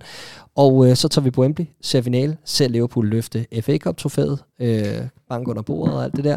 Øh, og så retur til hotellet, når vi lige har sunget og skrålet lidt på The Green Man Pub igen, og så sover vi måske en time eller to, og så er det i lufthavnen klokken meget, meget tidligt at flyve klokken 7 fra London til Bilund og retur, så vi er i København klokken 13. Det lyder fornuftigt. Ja. Ja. Det er sådan en 34 timers tur, tror jeg nærmest. altså fra, fra, fra hjem til hjem. Det er, øh, det er fantastisk. Tak, fordi I gør det. Jamen selv tak. Skulle Ja. det være en anden gang? Jeg ved, at det er jer, der kommer til at gøre forskellen på lægterne. Jamen, det tror jeg, det er. Ja. Jeg har jo øh, planlagt det så godt, at øh, min mor har øh, fødselsdag øh, den lørdag, hvor vi spiller FA Cup-finalen. Øh, og hun øh, holder det øh, i sit sommerhus. I Billund? Nej, tæt okay. på, nemlig i øh, Sjællands svar på Jylland, øh, Kalundborg. øh, så det bliver noget med, at vi skal heldigvis mødes relativt tidligt, og så er der jo sådan et x antal timer, man ligesom skal være der, fordi ens øh, mor har fødselsdag. Og så kan jeg se øh, første halvleg i bilen hjem til København på min telefon, og så ankommer jeg til anden halvleg på øh, poppen på Frederiksberg. Poppen Så på det er Frederiksberg. næsten lige så stor odyssé, vil jeg mene. Ja, det er du sindssygt. Det er, det, det er sådan virkelig øh, de der øh, road movies, vi er ude i her. Så kan man så selv vælge, hvad for en road movie man godt kan lide. Jeg, jeg ved, du har en med ham der, Zach uh, Galifianakis eventuelt. Det kunne være din, Clark. Det ved jeg ikke. Men øh, jeg kan måske lige nævne, at... Øh, Altså, jeg er godt klar over, at vi sidder på Gladsaxe Stadion. Det er der en god grund til. Flere tusinde Reds, der kommer til fest og, øh, og festivitas. Men det betyder jo ikke, at det er slut med at se fodbold i sine lokale fællesskaber overhovedet. Tværtimod, der er stadigvæk meget god bold tilbage i øh, sæsonen, inden vi går på en velfortjent sommerferie i Redman Families afdelinger. Og så kan jeg jo lige nævne, hvad der er forskellige øh, ting og sager, der bliver afholdt her. Det gør der altså i rigtig mange afdelinger. Det kan man glæde sig til på den anden side, fordi nu skal vi altså varme op til selve opgøret. Jeg tror, der sidder nogle Reds rundt omkring ved... Øh, hørebøfferne og højtalerne og i bilradioen og alt muligt andet, der sidder og tænker, kom nu til fodbolden. Den kommer nu. Vi skal møde Chelsea for anden gang i øh, en national kopturnering ud af to. Og øh, hvordan er jeres fornemmelse her nogle dage inden, Riese? Øh, den er relativt god. Tak. Clark? Den er relativt god. Tak for den her gang. Det var simpelthen en udsøgt fornøjelse. Kan vi få nogle flere ord på, hvad er der sket siden øh, sidst vi mødte Chelsea, Riese? Normalt sådan sur over, at vi snakker for længe, og ikke kan finde ud af at svare på et ja-nej-spørgsmål, og så svarer var, man kort og kontant. jeg var lige ved at sige nej, da han spurgte, om vi kunne få nogle flere ord på. det er rigtig Rasmus modsat dag, I kører herovre. Ja, ja, også i den grad. Øhm, nej, øh, risikoen. Øh, jeg er jo en af den, den generation af fans, øh, hvor FA Cup'en har været prioriteret ned i rigtig, rigtig øh, mange af de år, jeg har øh, fulgt Liverpool. Og jeg er nærmest sådan skamfuld over, hvor overfladisk et forhold jeg egentlig har til den turnering, fordi det har været så mange år med, ja ja, ud i tredje runde med The Kids, og det er fint, for vi har, øh, vi har vigtigere ting at, at, at se til. Ikke? Øh, så jeg har ligesom sådan skulle genopfinde min egen øh, meget gamle øh, kærlighed til, øh, til FA-koppen og den slags ruster, som bekendt, bekendt aldrig. Og risikoen her er selvfølgelig, at den ender lidt som en parentes, fordi vi har en Champions League-final senere samme måned. Øh, og det må den for guds skyld og alt i verden øh, er, øh, ikke. Jeg er ret meget op at køre over, at vi skal spille den her FA Cup-final. Og det skal vi imod et, øh, et Chelsea-hold, som øh, vi har slået i en finale i år, øh, mere eller mindre øh, overbevisende, som er i en meget øh, mærkelig situation, og som rent spillemæssigt, synes jeg, øh, er for nedadgående. Øh, har svært ved rigtigt at finde øh, løsningerne med det, med det nuværende hold, og øh, Tuchel er en fremragende manager, der har lavet mirakler med det her øh, Chelsea-hold, han har, øh, han har overtaget. Øh, men de står et eller andet sted stadig samme sted, som da han kom ind med, at det virker, han får det maksimale ud af de brækker, der er, men det virker stadig som om, der mangler nogle brækker, og Lukaku var ikke den brik, de troede, at, øh, at, at han skulle være. Øh, så, så jeg mener, at Liverpool bør gå ind til den her kamp med absolut mest momentum, absolut den bedste stemning i, i truppen, og i nogen grad også øh, det bedste øh, hold- og spilkoncept på dagen. Mm. Da vi øh, afholdte Carabao Cup finale arrangementer rundt omkring i landet. Der ved jeg i hvert fald på et sted, i hvert fald der, hvor jeg var, det var Old Irish Pop Frederiksberg, hvor øh, København-afdelingen altså tager på, øh, på udflugt, når vi skal, vi skal se de her finalekampe, øh, i hvert fald de nationale af dem. Øh, der blev folk forholdsvis øh, blege i ansigterne da nyheden om, at uh, Thiago ikke var klar, mm. uh, den altså spredte sig som en, uh, en steppebrand i, uh, i, i det her lokale. Og, og det var rigtig meget, fordi at Thiago havde gang i den her periode for alvor. Kan man så sige, det har han haft det største delen af kalenderåret 2022, men i hvert fald var det her, hvor han for alvor peakede og bandt det hele sammen. Uh, alle dem, der var stadig lidt i tvivl, eller på en, anden, på en eller anden måde stadig havde deres forbehold omkring ham som uh, den her spiller, der skulle være direkte inde i, uh, i startopstillingen for Liverpool, det blev gjort lidt til skamme netop, fordi han havde havde det her høje niveau og kunne vende kampene, kunne gøre alt det med en fodbold, som vi efterhånden elsker ham så højt for. Og Clark, den her gang, der kan man jo så sige, for, forhåbentlig og formentlig er han altså klar for start. Men nu mangler vi bare Fabinho. Bliver det meget den samme situation for Liverpool her, at man godt kan mærke, at der mangler en nøglespiller her? Fordi vi må tage udgangspunkt i, at Fabinho formentlig ikke bliver klar. Jamen, jeg, jeg ved ikke, om det er så sikkert, at han ikke bliver klar. Jeg synes, men så lad os arbejde ud fra et scenarie, hvor han ikke bliver klar. Ja, så, så behøver det ikke at blive den diskussion. Nej, men det, det er klart, det vil, være, det vil være en svækkelse, og især fordi det er derinde, som sagt, at, at vi, vi, vi mangler muskler, vi mangler, øh, vi, vi mangler fysik. Jeg synes, øh, på en positiv note kan vi nævne, at Jordan Hendersons form har været opadgående de sidste par, par kampe, øh, og jeg synes, at han virker en, energimæssigt på et andet niveau, end jeg har set ham i mange måneder, øh, virker til at, at, at have mere i tanken, og det er på et godt tidspunkt, fordi han er ikke bare øh, en, en brik derinde, han er også en indpisker, og det er sådan noget, der kan, der kan, øh, der kan sprede sig til resten af holdet, men det er klart, på, øh, alene på kvalitet og på mobilitet og på alt muligt andet, som er vigtigt over for sådan en Chelsea midtbane her, som vi må formode kommer med en, med en N'Golo Kanté og, og, og formentlig også Kovacic eller Jorginho, jamen øh, så, så er det vigtigt, at, at, at man dæmmer op for det, de kommer med, og det er især, hvis du snakker øh, Kanté og Kovacic, så er, det, så er det et enormt løbepensum, og det er enormt meget bevægelighed øh, og, og enorm, øh, dygtige spillere, når det kommer til placeringsevne og alt det her. Det er en midtbane, vi har haft problemer med tidligere. Vi skal ikke længere tilbage end til opgøret på Stamford Bridge i januar, før vi virkelig kunne se en Liverpool midtbane, der var amputeret på, på kvalitet, hvor, hvor nemt det kan gå galt mod, mod Chelsea, er fuldstændig overrendt i store dele af kampen. Så, så det skal vi ikke ud. Jeg vil lige tilbage til det, Riese siger omkring øh, øh, styrkeforholdet mellem de to hold. Øh, Liverpool har jo ikke slået Chelsea den her sæson. Præcis. Det er tre uafgjorte kampe, ja. og det, er, det, det, det har nærmest været dødt løb i, i alle sammen. Begge hold har haft gode perioder sådan øh, på skift og alt det her, men, men, men jeg, jeg, jeg, tidligere har jeg virkelig set Chelsea som en, en, en svær modstander tidligere i sæsonen, men det er bare et godt tidspunkt, vi render ind i dem på. Der er ikke meget, der lykkes for dem i øjeblikket. Og apropos den her snak med, hvad det vil have gjort for os at, at, at have tabt point til sidst mod Aston Villa øh, øh, i, i, i tirsdagens kamp, se Chelsea i weekenden. Der får gang i Lukaku, får gang i den her succeshistorie op til, øh, op til det her vigtige finaleopgør, og så smider de det hele på gulvet inden for det sidste kvarter.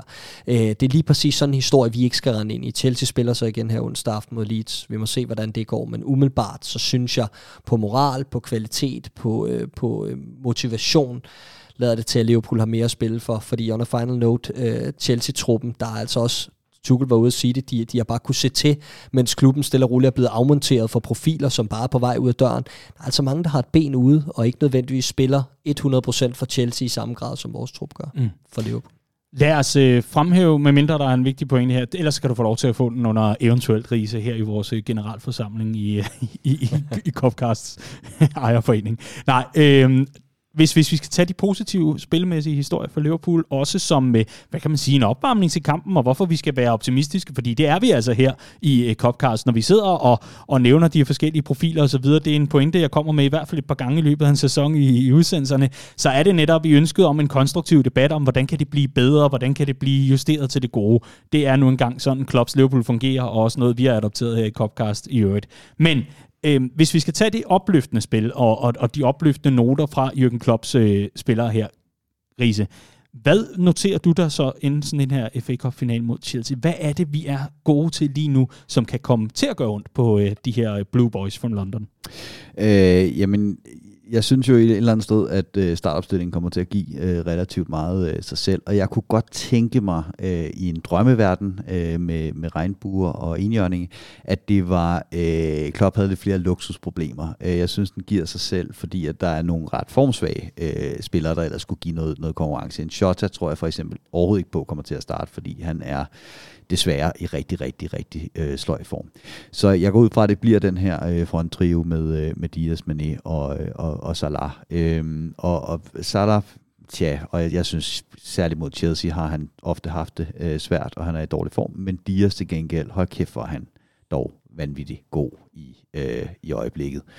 Øh, tit og ofte, når vi har mødt den her trebakkæde med Chelsea, så har de været rigtig gode til at lukke de der rigtige områder af. Øh, netop det, vi har fået en fløjspiller, der kan gå begge veje øh, rundt om sin, øh, rundt om sin, øh, sin, sin bak, øh, kan ligge og strække den her trebakkæde øh, ned i kanalen. Vi så, hvad han gjorde med, med, mod Seamus Coleman, og jeg kunne sagtens se ham gøre det samme med, med at spille Kueta øh, mod, øh, mod Chelsea. Lad os sige det på den måde. Mm. Clark, opløftende spillemæssige pointer fra mm. Liverpool, som er værd at tage med her, når man sidder og glæder sig til en FA Cup-final.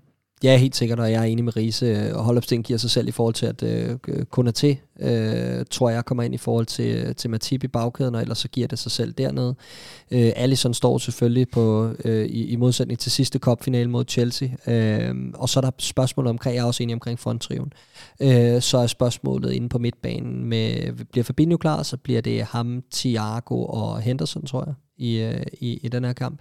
Øh, og jeg tror, at Naby Keita vinder slaget om at, om at starte i tilfælde af, at Fabinho øh, ikke bliver klar. Det synes jeg også giver sig selv. Øh, og så bliver det Naby, Thiago og, og, og Henderson. Jeg tror egentlig, at Liverpool vinder med begge udfald øh, i forhold til startopstillingen. Øh, jeg synes, at, at vi har så meget tur i den, jeg synes, at flere af de her brede spillere er, er, er steppet op, og lige præcis Keita var jo også omdrejningspunktet for sidste startopstillingsdiskussion øh, i, i, øh, i opgøret på Wembley mod Chelsea, hvor han går ind og og, og levere en okay kamp, men jeg synes, at Naby Keita er i en anden forfatning nu, end han var øh, på det tidspunkt. Han er en af, en af de her brede spillere, der alligevel har formået at, øh, at, at holde sig til i en, i en tid, hvor Liverpool har været i rivende udvikling som fodboldhold. Og øh, det kan godt være, at han stadig spiller 6-7 ud af 10 øh, størstedelen af tiden, men det fortæller egentlig også om, at han er stedet grad med holdet, synes jeg, og, og, og leverer meget mere, end han gjorde for en 3-4 måneder siden, hvor vi sad og tænkte, ah, det må være, det må være sidste sæson for Naby Keita, det her. Det sidder jeg ikke længere og tænker. Jeg tænker stadig, at han har en rolle at spille. Mm. Og der kan vi selvfølgelig tage øh, sæsonevalueringen og se, om der ikke ligger en kontraktforlængelse af den, øh, af den rigtig pæne øh, slags til ham. Der. Ja, ja, men og han kan også meget vel blive, blive en, en næste led i udfasningen. Det er bare som om, han har i hvert fald udskudt sin, sin udløbsdato med minimum et år. Han, han bliver øh, den spiller, Alex Oxlade-Chamberlain var før den her sæson, hvor han får næste sæson til at bevise sig, øh, som jeg ser det. Så kan han godt blive næste led, men, men en opløftende ting omkring ham er, at han har udryddet sine skader for alvor. Øh, så nu er det jo bare at gå ind og bevise, hvad det er, han blev købt ind til. Kan han det? I don't know. Riese, noget af det, der bliver fremhævet ved Chelsea-projektet, i hvert fald under Thomas Tuchel, har været den her fuldstændig fantastiske organisation, der har været defensivt. Altså, det har virkelig været svært for mange hold at komme igennem, og det har også været en af nøglerne til, at de øh, mere fremskudte spillere på holdkortet for netop Tuchels øh, mandskab, at de har kunnet brillere, kunne lave de omstillinger, kunne lave de hurtige vendinger på det angribende hold, eller modstanderholdet, om man vil, og dermed også få den øh, totale succes. Vi kender jo øh, efterhånden alle sammen den der berømte Chelsea-bue, i hvert fald under Tuchel, Google også, hvor man bare spiller bolden rundt, indtil der er et overlap, og så er vi ellers i gang, så ligger man og hygger inde i modstanderfeltet og venter bare på, at den kan blive trillet ind. Det er lidt anderledes lige for tiden lige nu. Den her organisation er begyndt at slå nogle gevaldige sprækker. Man var tæt på at lave den her helte øh, gerning, var jeg lige ved at kalde det i hvert fald. Det her fantastiske comeback øh, mod Real Madrid, efter godt nok at være blevet sænket af Benzema og så videre.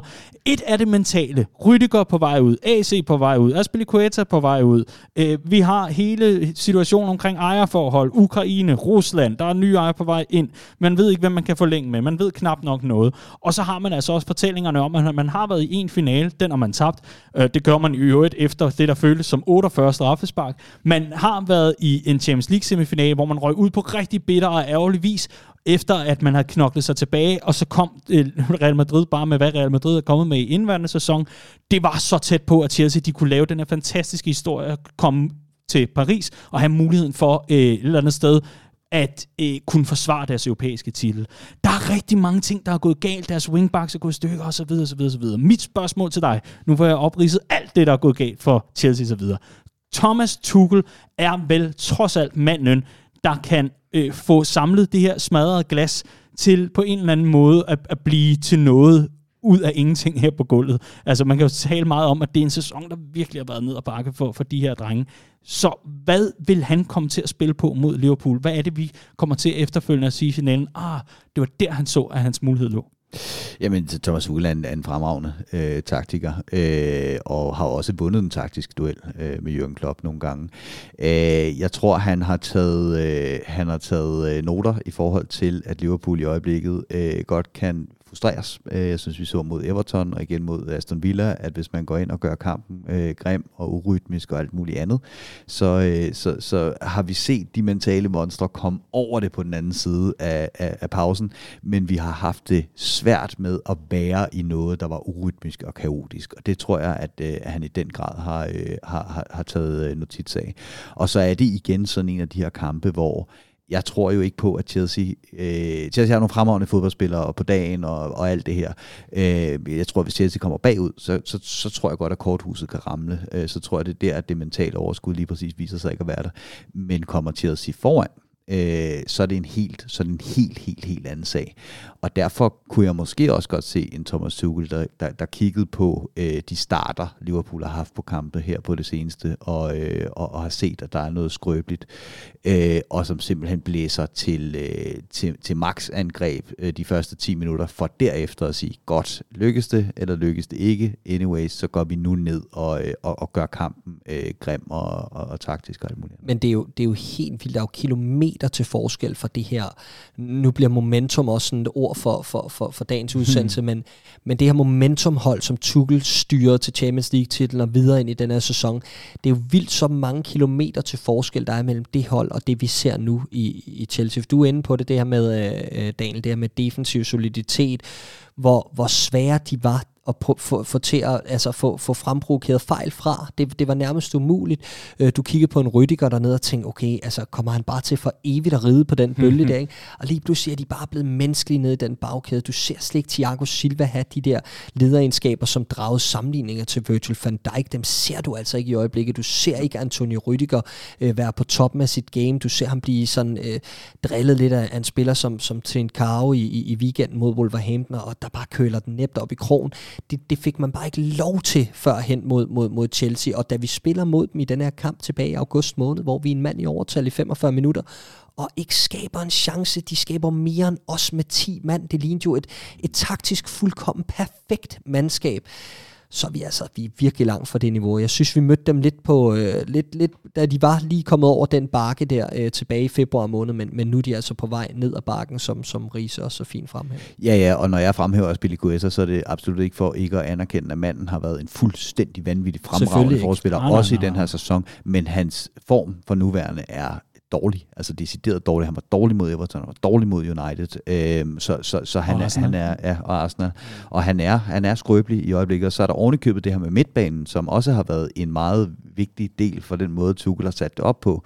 Kanté har ikke været med på det seneste, og inden da var han faktisk gået lidt i stå. Han havde faktisk en rigtig dårlig periode her. Øh, Jorginho har også siddet ude med skade, der er flere nøglespillere. Så, så jeg, jeg, er sådan set ikke, ja. jeg er sådan set ikke i tvivl om, at der er frygter på det her, øh, det her øh, Chelsea-hold, og det er i den grad Mason Mount og Kai Havertz, øh, som øh, Mason Mount kunne for, på alle måder have afgjort den, øh, den øh, Liga Cup-finale indtil flere gange. mm-hmm. øh, og, og, og det er, det er den slags spillere, som, øh, som, som, som jeg frygter og, og står for. Det er de to, der kan gøre ondt på Liverpool, og det kan de også sagtens komme til på dagen. Og man kan også sige meget i forhold til, øh, apropos narrativ og, og bygge den store historie op. Nu lavede jeg lige den helt store redegørelse for, hvordan Chelsea-sæson stille og roligt var blevet afkoblet øh, runde for runde, var jeg lige ved at sige måned for måned. Men øh, man kan jo også sige meget, at, at det her det er jo også et mandskab, der har noget af de vildeste højder med en ny manager. Ingen havde nogen forventninger til, at det skulle være en særlig vanvittig sæson for dem i sidste sæson. De gjorde det bare lige pludselig. Bang! Chelsea var for alvor tilbage med en manager, der virkelig viste, at han vidste, hvad han lavede. Øh, nu, nu er man her, hvor man kan sige, at hunden har fået så mange slag med kæppen, så kommer han til at bide fra sig, nu hvor den simpelthen er blevet så prylet gennem øh, foråret her. Det er måske det, der er spørgsmålet, og så må vi jo bare vente og se. Det, jeg rigtig gerne vil down to the wire med omkring her, for at vi øh, får afrundet FA Cup øh, finalesnakken finale snakken her. Det er, jeg synes, at der er noget i Jürgen Klopps Liverpool i indeværende sæson. Vi har talt om det før. Vi har talt om de mentale monstre selvfølgelig. Det har været en overskrift. Vi har talt om, at Liverpool hele tiden bygger på, finder nye løsninger, kommer fra en preseason og har nogle nye øh, strenge at spille på. Noget af det, som jeg rigtig gerne vil fremhæve her, som jeg tror kan blive afgørende, så kan I jo byde ind, om, øh, hvis, hvis I synes, at det giver mening, eller hvis det ikke gør, det er, at jeg synes, at vi nu ser Jürgen Klopps Liverpool-hold have den mængde rutine og erfaring til lige præcis som du har snakket om i flere sæsoner i træk, selv at finde løsningerne, når det begynder at gå lidt ned ad bakke, eller på anden vis at være noget, der er lidt udfordrende. Så jeg tror, at det her med lederegenskaber på dagen kan blive ganske afgørende. Ja, 100 procent. Enig. enig. 100%. Og det synes jeg bare, at den her sæson har vist rigtig mange gange. Ja, 100 procent. Der, der, der var sådan et, øh, en video nu her, øh, Per Blinders, der, øh, der sætter sig ved taktikbrættet på det der Coaches Voice og, øh, og gennemgår, øh, Få lige set det. gennemgår øh, Barcelona-kampen. Og der, der er to ting, jeg virkelig elsker ved det der. Det er for det første, han, da han blev efter det, der var sådan, øh, modtagelsen var, han er jo taktisk geni, ikke? Øh, det ved jeg. Det, ja, han, han anerkender lige præcis, at det uden om banen er faktisk næsten det vigtigste i den kamp. Og de første fem minutter efter kampen nede i Camp Nou, hvor man rent faktisk får installeret en tro på, at man kan vinde det her, alt det her. Men det han også siger i den, i den øh, video, som jeg var faktisk var det, jeg var mest interesseret i, det var, at han lige præcis siger, vi prøver virkelig på ikke at overcoache de her spillere, fordi vi skal blive ved med at være overraskende. Vi skal blive ved med at kunne overraske. Og det kan man ikke, ved mindre man giver spillerne nogle friheder til at tage de rigtige beslutninger inde på banen. Jørgen Klopp er så igen herude efter Aston Villa-kampen og, og sige, vi finder ikke de rigtige områder at spille i i første halvleg. Så snakker vi om det i pausen, og så gør vi det efter pausen. Ikke? Så spørgsmålet om Klopp der går ud og siger, øh, okay dreng, nu har I fået friheden, nu gør vi, som jeg siger, eller om han lige præcis har været inde og sige, hør nu her, det er de her områder, der, der, der er ledige. Det kan jeg se herudefra. Så vi skal finde en måde at komme ind og spille øh, i, i, det, øh, i det område. Men jeg er helt enig, at, at dem, der er helt øh, fuldstændig instrumentale for det her, det er, det er spillere som, øh, som, som, som Jordan Henderson, Virgil van Dijk øh, og så videre. Mm. Og det var lige præcis de spillere, vi så spændt op mod Aston Villa, og så er vi tilbage ved, hvorfor jeg synes, det var enormt vigtigt. Og hermed er ringen afsluttet, kan man sige, eller i hvert fald fuldbragt. Fantastisk. Jeg glæder mig rigtig meget til en øh, fantastisk finaledag formentlig. Og det, det kan jo lige, vi kan lige slå et slag for en glimrende long read af en, af en finaleoptag, som Ja, Martin nemlig. Busk Tak. har, Godt, du har, huskede har, det. har skrevet inde på, uh, på redmanfamily.dk. Det er ikke altid, at vi lige er gode til at få lavet de helt lange reads efterhånden. Mm. Uh, vi, Vi er er, travlt. vi, ja, og vi har fokus på at, på, på at lave noget nyhedsdækning sådan mere generelt, men fedt, at, at Martin lige har taget sig tiden, fordi der er både noget historisk perspektiv og lidt, der, der kan få en i, i finalehumør, og ikke kun have fokus på, på 28. maj og, og, og et, et titelrace. Og det, man skal vide med Martin Bus, det er jo, at han er fire gange så gammel, som han ser ud til, han er. Æ, så han var der jo, øh, og kan huske dengang i, øh, i 80'erne, hvor at, øh, Liverpool mødte Everton og tabte til Wimbledon og alt det der. Så han har den der meget dybere forbindelse til, en, øh, til, til, til turneringen, end, end sådan en som, som mig for eksempel har. Og det, øh, det skinner også ud af den optakt. Han har, han har jo været øh, min fodboldtræner i gamle dage, Martin Okay. Busk, og jeg kan fortælle, at der er også lidt pep blinders i ham, når han holdt taktikmøder. Det tog også ofte 19 eller 20 minutter. det røg dog ikke på YouTube. Det røg dog ikke på YouTube. Gå ind på redmanfamily.dk og søg efter øh, den øh, hvad kan man sige, artikel, der hedder Gammel kærlighed ruster aldrig. Liverpool har FA Cup feber igen. Det er en klar anbefaling herfra. Og så skal jeg selvfølgelig forbi, og det er her, du skal lytte med, kære lytter. Hvis du nu ikke lige har nogen store FA Cup-finaler med øh, din nabo Gert, eller, eller noget, der minder om, jamen øh, så lyt rigtig godt med her. Fordi der er rigtig mange fede finalearrangementer her nu på lørdag. Hvis du øh, ikke er så heldig som Riese skulle til Kalumborg, jamen øh, så kan man for eksempel komme i andre afdelinger. Nu nævner jeg de forskellige afdelinger lidt om, hvad der sker, og så kan man bagefter gå ind og finde kontaktinformation og Facebook-grupper og alt muligt andet til de respektive afdelinger. redmanfamily.dk-afdelinger, eller gå op i den såkaldte burgermenu og øh, få den til at falde ned, og så vælg ellers afdelinger og komme øh, i fuld gang med at finde dit nye stamsted, eller dit gamle, om man vil.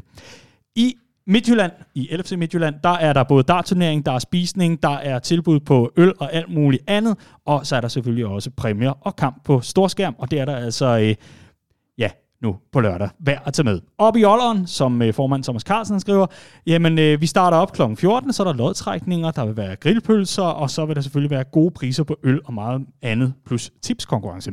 I Esbjerg er der fællesspisning, der er lodtrækning om en ny spillertrøje blandt de fremmødte medlemmer, så er der øh, altså selvfølgelig også en miniboss, noget øh, musisk underholdning og kamp på storskærm. I København-afdelingen, der tager vi altså over til den københavnske Vatikanstat, om man vil. Vi tager på Frederiksberg, Old Irish Pop Frederiksberg på Smallegade.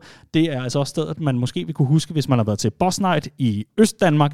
Der er der altså øh, åben dør fra kl. 13 og to timers fri fadøl til medlemmer fra 13 til 15. Velmødt, og så er vi ellers finale klar 17.45. I Næstved, der er der et kanon arrangement også. Der er både spisning og konkurrencer, og jeg skal ellers komme efter dig. Gå ind og læs den fede opdatering derfra ind i deres Facebook-gruppe. Det er i hvert fald værd at notere sig, og øh, kanon at se, at øh, Næstved virkelig har øh, fået rigtig godt gang i det. Det synes jeg virkelig, at øh, der har været en periode, hvor man virkelig har skulle knokle for at få organiseret det ordentligt. Jeg synes virkelig, at øh, det, det er en, en enormt godt tilbud. Gå ind og læs mere om det. Roskilde har højt belagt smørbrød, fadøl og snaps, og så selvfølgelig også lotteri og visning af kampen. Køge kører fri fadøl og griller pølser og meget andet, og selvfølgelig tipskonkurrence. Så er der også første fadøl og en omgang pizza til de fremmødte, hvis man tager til Sønderjylland.